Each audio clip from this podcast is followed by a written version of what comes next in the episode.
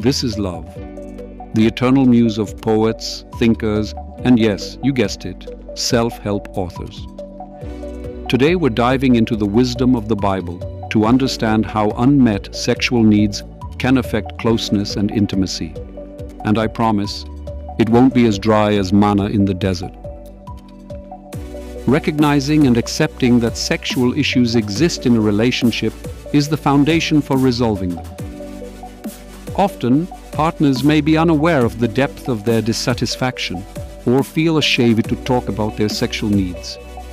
Realizing that sex is an important part of mental and emotional health helps create openness to change and dialogue.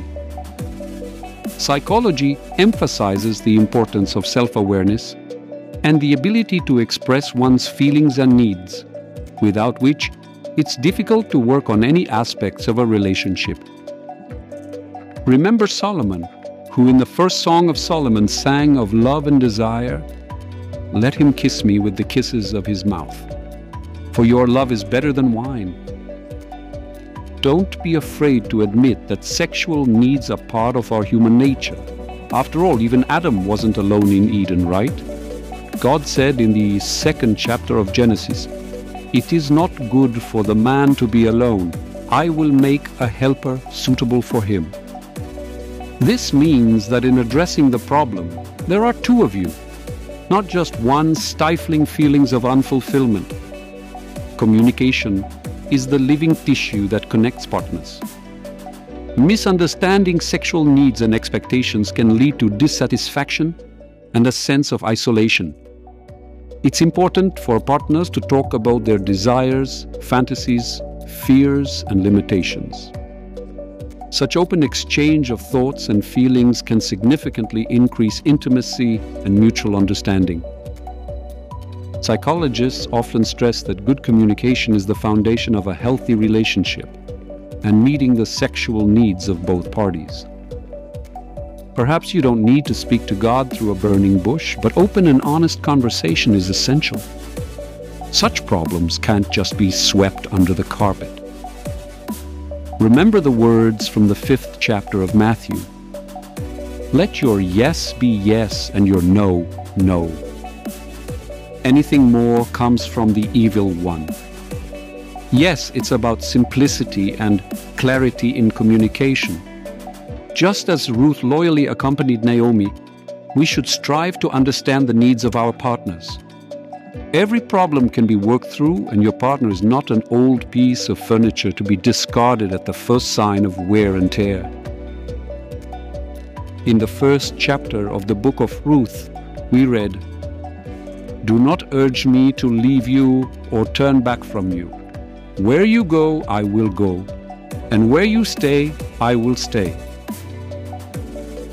Empathy and understanding are the foundations of every healthy relationship. Forgiveness and acceptance are essential when problems arise in the intimate sphere. Not all expectations and needs can always be met, and disappointments and mistakes are part of every relationship.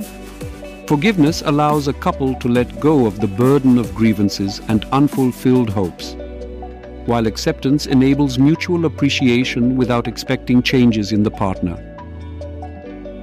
In a psychological context, forgiveness is often linked to better emotional health and can lead to deeper emotional and sexual bonds. In the 11th chapter of Mark, we read, And when you stand praying, if you hold anything against anyone, forgive them, so that your Father in heaven may forgive you your sins. It's important to learn to forgive each other and accept our differences. We consider blessed those who have persevered, we read in the fifth chapter of James. Not everything has to happen quickly. Sometimes it's worth waiting for the right moment. Sex should be a source of joy and pleasure, not just a duty or routine. Enjoying intimacy can improve the quality of a relationship and personal happiness. Sex is important for mental health as it positively affects mood, reduces stress, and strengthens the bond between partners. Positive psychology emphasizes the importance of deriving joy from life, including sexual life. Enjoy your time together and closeness. just as the Israelites rejoiced at the sight of the promised land from the top of Mount Nebo, full of hope and joy at the thought of the future awaiting them. In the New Testament, Paul in his letters emphasizes the importance of love and commitment in marriage. In the seventh chapter of 1 Corinthians, Paul encourages spouses to take care of their sexual needs and not to deprive each other, except by mutual consent for a time for religious reasons. Although the text does not directly speak of age, his approach can be interpreted as supporting the continuation of sexual life in marriage at every stage of life into old age. By supporting the four pillars in a relationship recognition, communication, forgiveness, and joy couples can build stronger, more intimate, and satisfying relationships. Prayer and psychological help can be invaluable in guiding couples through the difficulties that can arise at each of these stages. Remember, unmet sexual needs are not the end of the world. The Bible teaches us that love, communication, understanding, patience, and joy are the keys to deep intimacy. And it's good to know that even in the toughest times, you can always count on a bit of manna from heaven, as God never leaves the righteous with nothing. Therefore, let us pray for God's peace in our homes as well as for the fire of passion in our relationships to never be extinguished.